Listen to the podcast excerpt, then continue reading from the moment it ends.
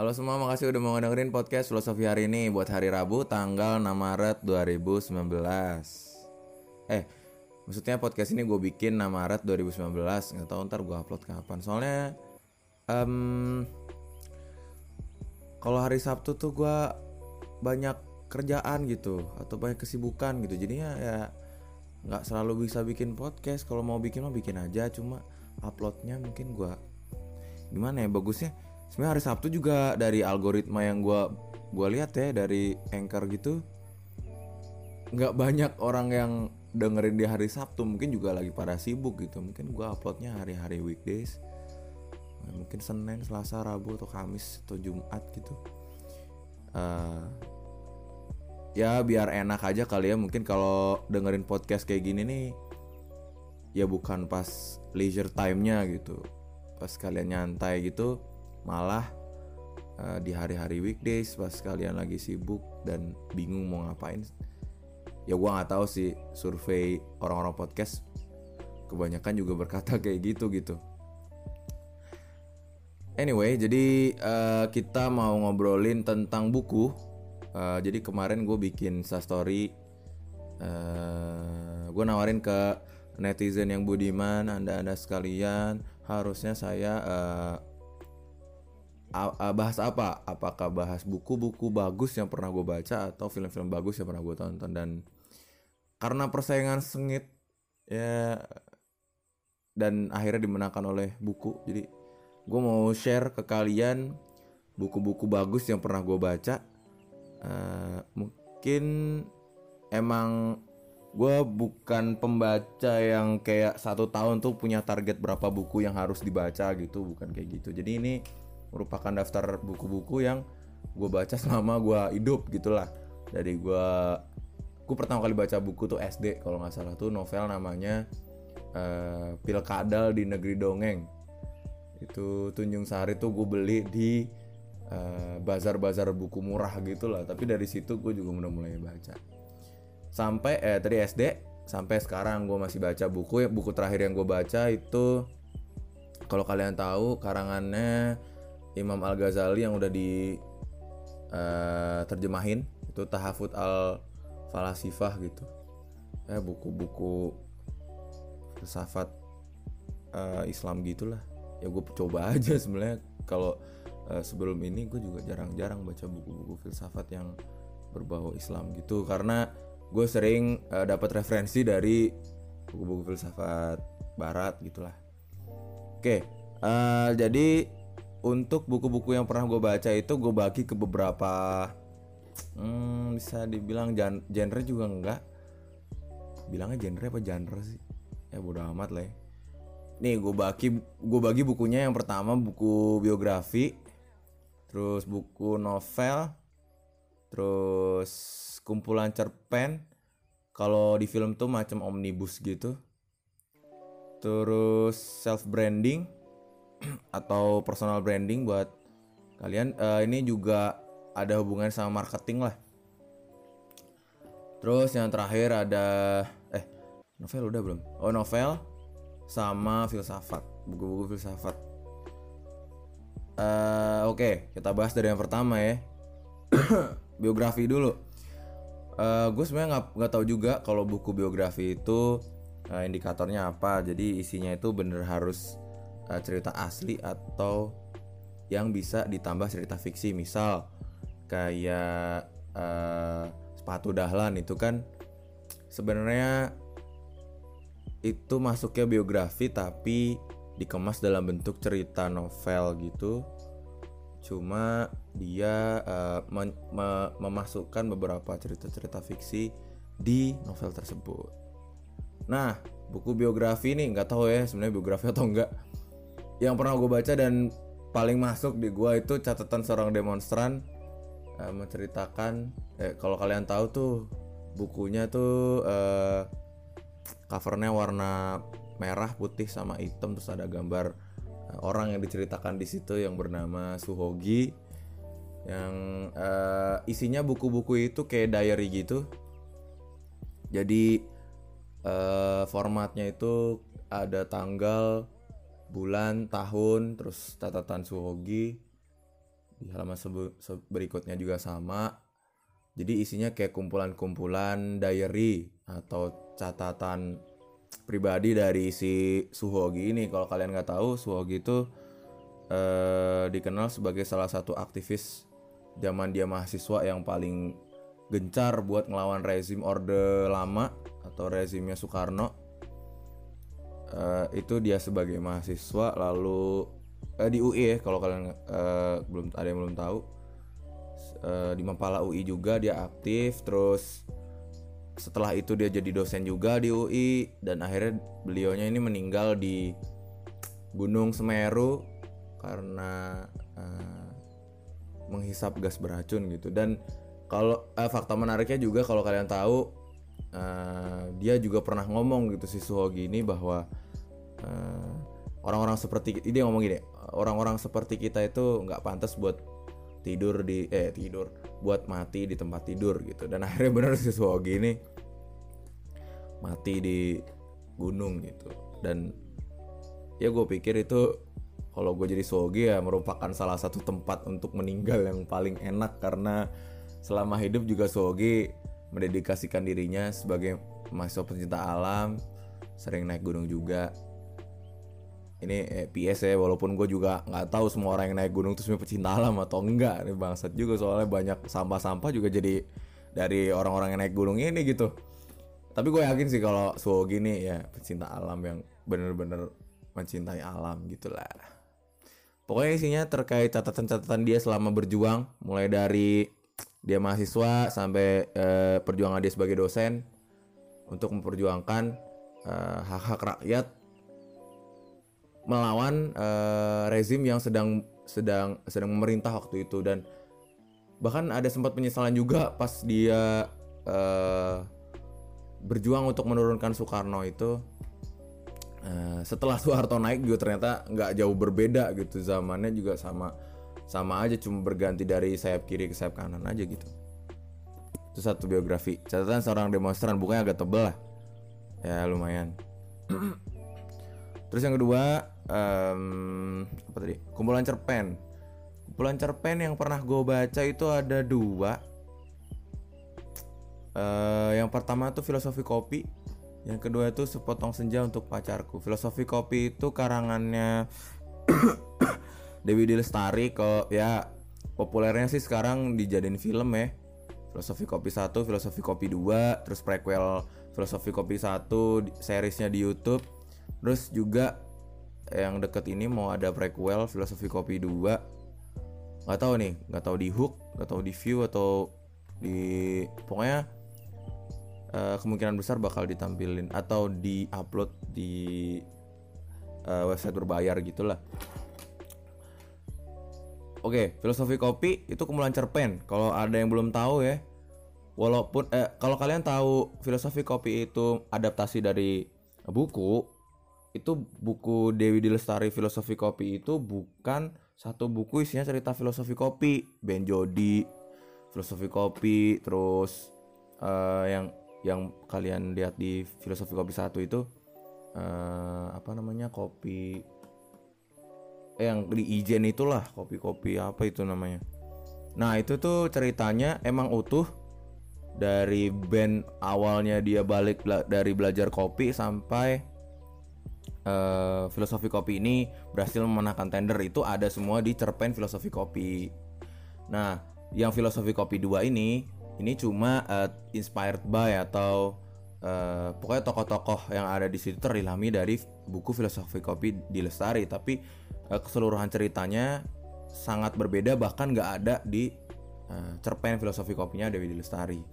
Nah, kumpulan cerpen filosofi kopi dari Dewi Lestari itu banyak. Ada setahu gue tuh cerita tentang kecoa gitulah. Bagaimana dia eh, kehidupan dia gitu di sudut pandang kehidupan dari kecoa gitu melihat dunia ini bagaimana orang-orang ngebahas media gitu gitulah pokoknya isi cerpennya nggak cuma filosofi kopi doang. Waktu itu gue sekitar tahun SMA lah gue baca filosofi kopi tuh. Covernya tuh masih warna coklat waktu itu. Sekarang nggak tahu kayak udah udah ganti juga. Eh, kopi-kopi gitulah. Tapi eh, porsi si cerita filosofi kopi ini lumayan panjang di kumpulan cerpen itu. Nah, yang kedua, sepotong senja untuk pacarku itu karangan Seno Gumira Aji Dharma isinya eh apa ya? Kalau bahasanya Gunawan Muhammad itu kayak tatal-tatal gitu loh. Jadi eh, temanya tuh sama tapi tidak berkesinambungan satu sama lain gitu. Ada Pak Pos eh, Pak Pos cerita tentang Pak Pos gitu yang ngirimin surat cinta gitu terus dia masukin senja ke dalam amplop gitu gitulah ya anak-anak senja pasti suka yang gini-gini. Terus ada peselancar dunia yang cuma datang ke pantai itu kalau senja lagi bagus-bagusnya. Pokoknya eh, main artlock lainnya itu tentang senja aja. Eh, dan kalau kalian juga pernah lihat di YouTube itu kalau nggak salah pernah dibacakan sam eh, cerpen ini pernah dibaca sama eh, Abimana Arya Satya terus eh, Dian Sastrowardoyo sama Butet Kertarajasa. Itu di di, di kalau nggak salah di GI itu kayak Indonesia apa itu gua lupa gua. Pokoknya dia salah satu acara gitulah acara rutin di GI mereka membacakan s- dari sudut pandang eh, dari di salah satu cerita itu ada dari sudut pandang tukang pos ada sudut pandang eh, ceweknya gitu. Pokoknya kalian coba lihat aja deh di YouTube itu ada tuh. Eh, sepotong senja untuk pacarku nanti dibaca sama Abimana eh, Dian Sastro sama apa teh? Butet kerja Kertar Jasa gitu. Nah itu kalau yang suka eh, ten- tentang cerpen fiksi-fiksi yang ya anak-anak senja gitulah oke itu gue beli belum lama sih masih ya sekitar setengah tahun yang lalu. Selanjutnya em, novel dulu deh.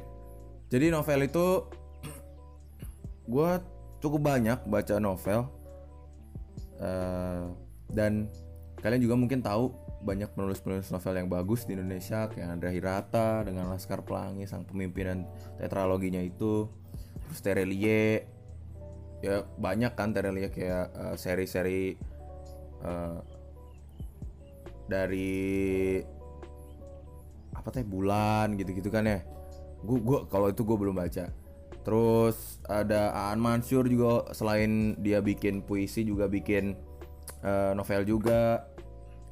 Terus nah ini gua karena gue tadi juga udah sebutin salah satu cerpen dia ini dia eh, novel series pertama yang gue udah beres bacanya yaitu Supernova dari Dewi Dilestari ada enam judul buku di situ ada Kesatria Putri dan Bintang Jatuh, eh, Akar, Petir, Partikel, terus Gelombang, terus nah diakhiri oleh Intelijensi Bun Pagi. Ini gua baca ini dari SMA juga. Satu-satu tuh buku gue beli kecuali Kesatria Putri Bintang Jatuh sama Akar nih. Gue dulu awalnya nggak beli Kesatria Putri, jadi gue baca pertama punya bukunya tuh Petir, Partikel, Gelombang.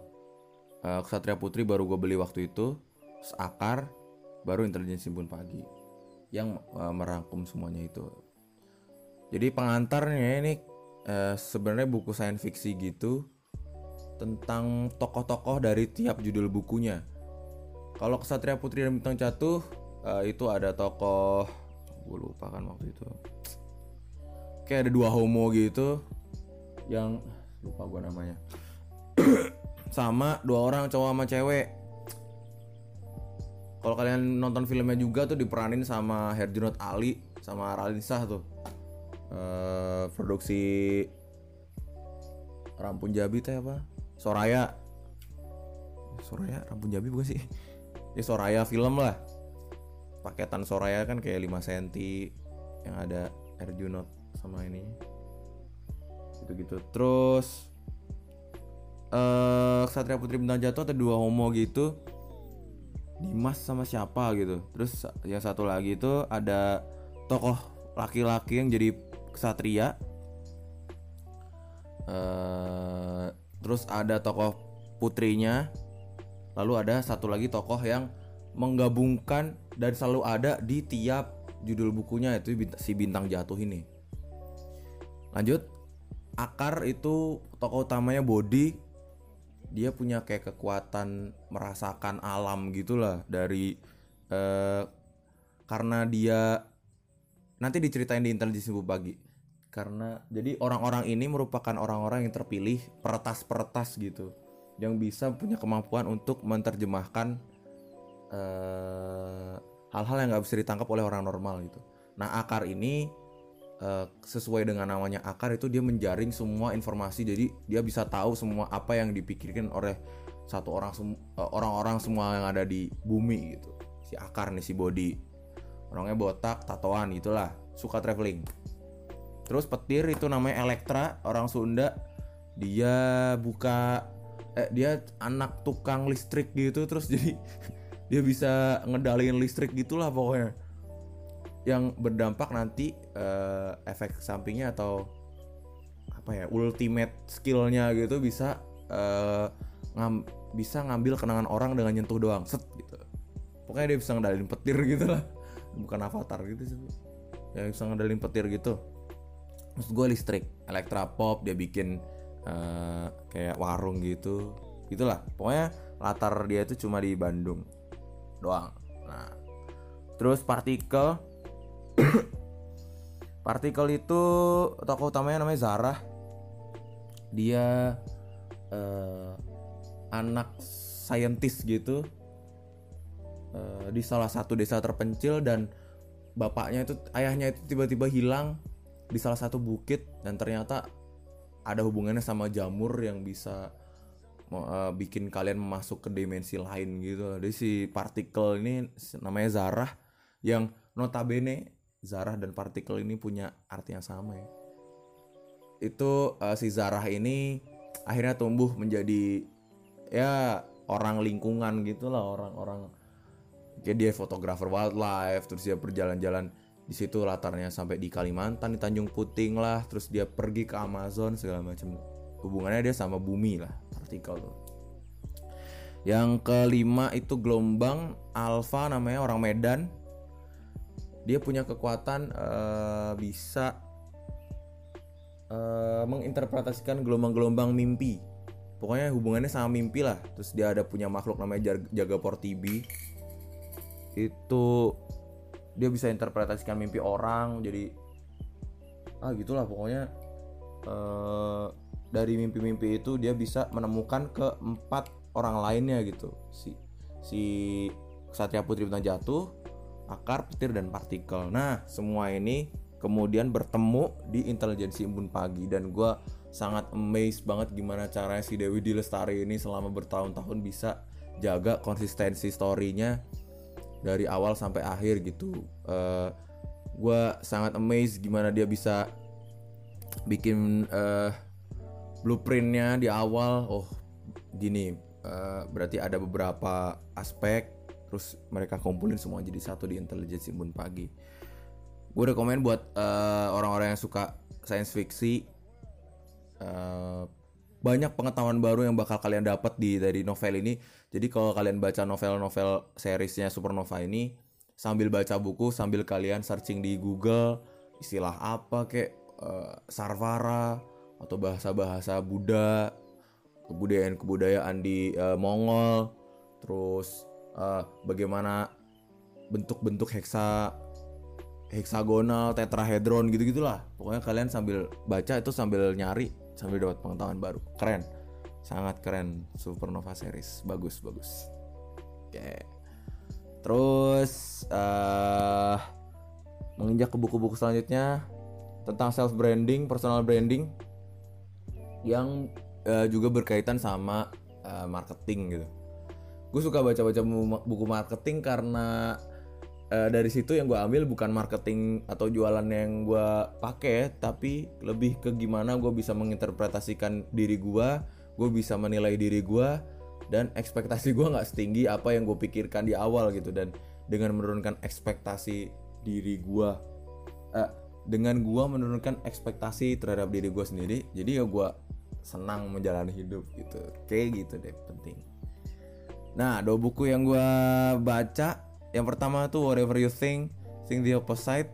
Bukunya Paul Arden itu isinya kayak NKCTHI gitu tau gak sih lo yang isinya cuma quotes quotes gitu tapi bedanya yang uh, whatever you think think the opposite ini kayak ada gambar terus dia menjelaskan dikit gitu. Jadi gimana caranya kita uh, berpikir uh, jika uh, kita melihat sesuatu kita berpikir di perspektif kebalikannya gitu. Dengan de dan dengan itu kita bisa jadi orang yang berbeda. Dan sebaik-baiknya orang jualan itu yang berbeda. Mau yang paling bagus atau paling jelek kayak teori iklan juga gitu kan. Kalau lu bikin iklan lu bikin yang sebagus mungkin. Kalau nggak lu bikin yang sejelek mungkin. Yang penting itu memorable. Dan intinya itu ada berbeda tadi. Jadi selama lo bisa berpikir kebalikan dari apa yang orang lain banyak orang lain banyak pikirkan lo bisa uh, menjual diri lo gitu. Dan lo bisa menakar diri lo lo sebenarnya kebanyakan gak sih? Orang kebanyakan gak sih sebenarnya lo tuh gitu. Whatever you think think the opposite. Paul Arden gue punya PDF nya iya iya iya iya iya. Terus uh, the subtle art of not giving a fuck tapi gue dapet eh gue beli eh sorry sorry. Gue beli terjemahannya. Kalau nggak salah tuh bukunya eh kalau nggak salah. Bukunya itu warnanya orange judulnya itu sebuah seni untuk bersikap bodoh amat yang akhir-akhir ini uh, trending trending lagi uh, bestseller di Gramet nomor satu. Dan banyak banget orang beli. Warnanya orange Mark Manson yang bikin. Yang beberapa quotesnya gue kutip juga gitu. The Subtle Art of Not Giving a Fuck itu atau sebuah seni bersikap bodoh amat itu bagaimana caranya uh, Mark si Mark Manson ini kalau bahasa gue ya itu memotivasi kalian dengan cara uh, menurunkan ekspektasi kalian itu terhadap diri kalian. Jadi kayak bab-babnya tuh kayak misal anda itu nggak spesial.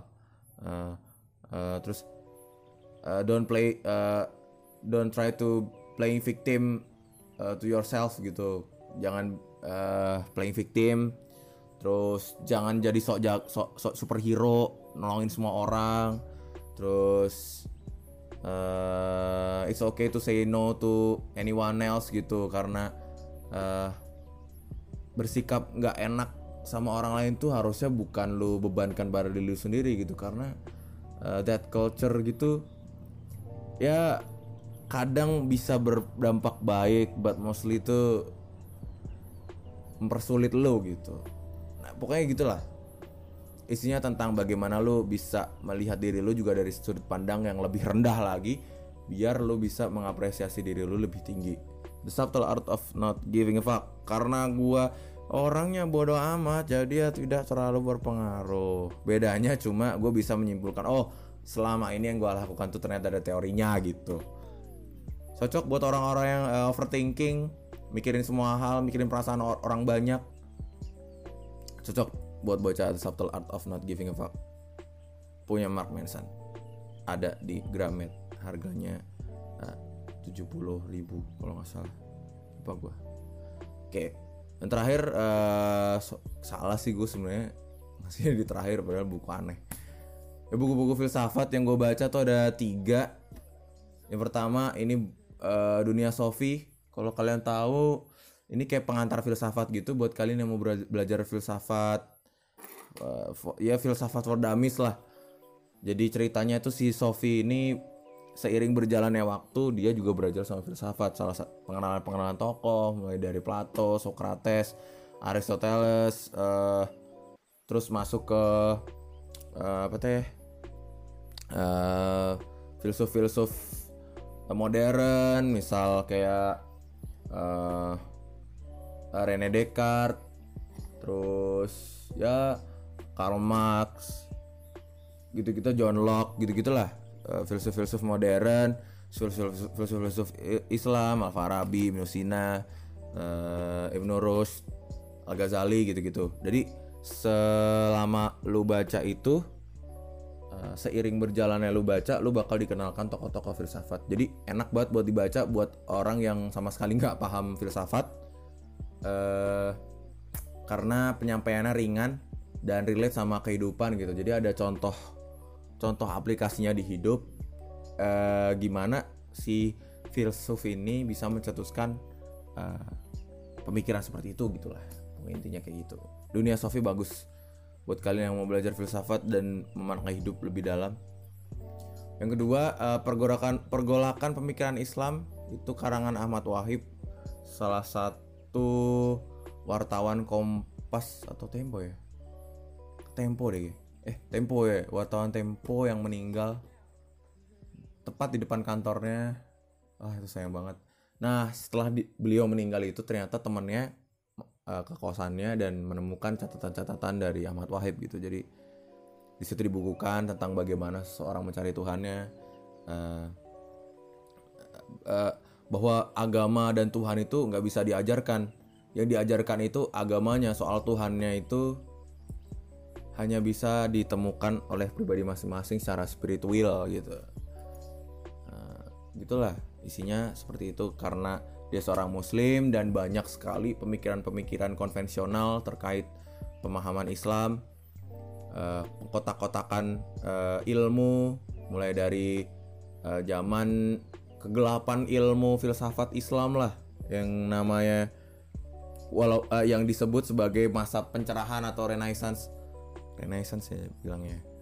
Di uh, Eropa Eropa Barat ilmu-ilmu yang di kotak-kotakan kayak gitu. Jadi kita tuh sebenarnya produk budaya Barat yang mengkotak-kotakan ilmu yang harusnya tuh holistik menyeluruh antara satu ilmu dan ilmu yang lain. Itu isinya kayak gitulah.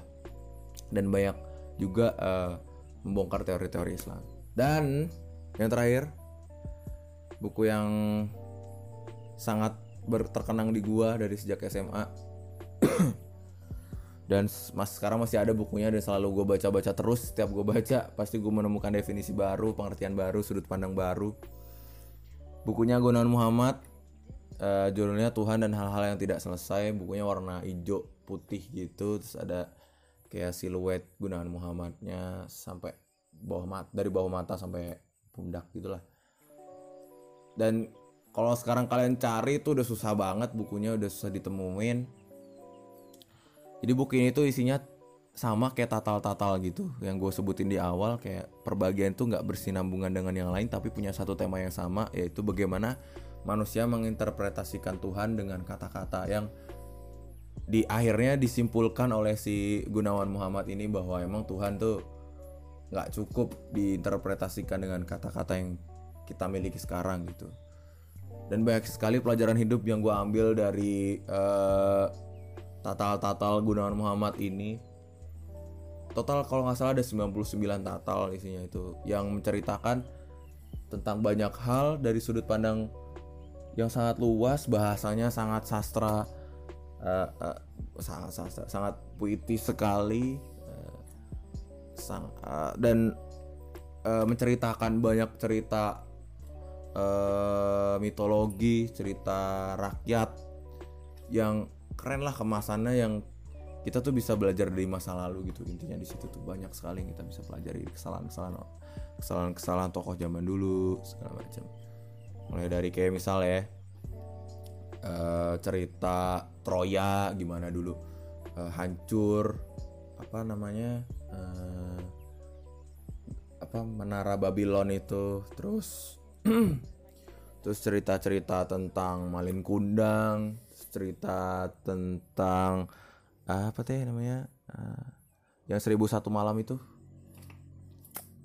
Lupakan gue Abu Abu Abu Abu Nawas. Ya Abu Nawas. Gitu gitu cerita tentang itu. Terus kerajaan-kerajaan di Jawa Wali Songo segala macam Karl Marx Rene Descartes uh, Molière Maupassant terus uh, Voltaire gitu-gitu itu juga di situ juga dijelasin banyak banyak filsuf. Dan itulah buku-buku yang gue baca. Mungkin kalian sangat tidak uh, mengenali buku-buku itu karena emang aneh buku-buku yang gue baca juga. Uh, beberapa juga udah udah ada buku yang udah ada di gua tapi belum gue baca. Itu kayak di dialog itu dari Andy McKee eh Andy McKee ya? Lupa gue uh, buku itu tentang bagaimana membuat percakapan yang baik membuat percakapan yang enak buat uh, dipakai di keseharian gitu. Terus ada hmm, uh, referensi dari teman gua tuh Albert Camus judulnya Sampar. Kalau bahasa Inggris gua lupa namanya apa ya buku tentang pemikiran-pemikiran uh, filsafat modern juga. Terus ada buku-buku kayak buku-buku galau kayak disforia inersianya Wira. Terus ya buku-buku Firsa Besari ada dikit. Hmm, terus ada juga buku nih kalau mau buku-buku tentang apa ya kalian ya hmm, bingung juga gua. Nah gini aja deh. Kalian sebenarnya kalau baca buku tuh lebih prefer baca buku apa sih? Yang fiksi kah atau non fiksi atau cinta-cintaan atau yang minimal bisa lu dapat ilmu dari situ atau buku-buku berat misal. Buku berat tuh apa sih mang? Kamus bahasa Indonesia. Iya Allah. Waduh. Ya itu. Gitulah ya. Kalau kalian bisa uh, kalian mau baca ya syukur kalau nggak juga silahkan. Kalau mau sharing-sharing juga boleh. Kira-kira buku yang cocok sama preferensi gue nih buku-buku apa yang harusnya gue baca gitu. Ini gue rekap ulang ya. Yang pertama kumpulan cerpen. Itu ada filosofi kopi terus potok senja untuk pacarku Seno Gumira filosofi kopi dari Dilestari. Terus uh, ada biografi catatan seorang demonstran Suwogi terus self branding itu whatever you think think the opposite. Punya Paul Arden The Subtle Art of Not Giving a Fuck dari Mark Manson. Terus Supernova Series dari Dilestari Tuhan dan hal-hal yang tidak selesai Gunawan Muhammad Pergolakan pemikiran Islam Ahmad Wahib Dunia Sofi Gue lupa pengarang, pengarangnya siapa. Oke okay. uh, Thank you udah mau ngedengerin. Uh, Gue Iqbal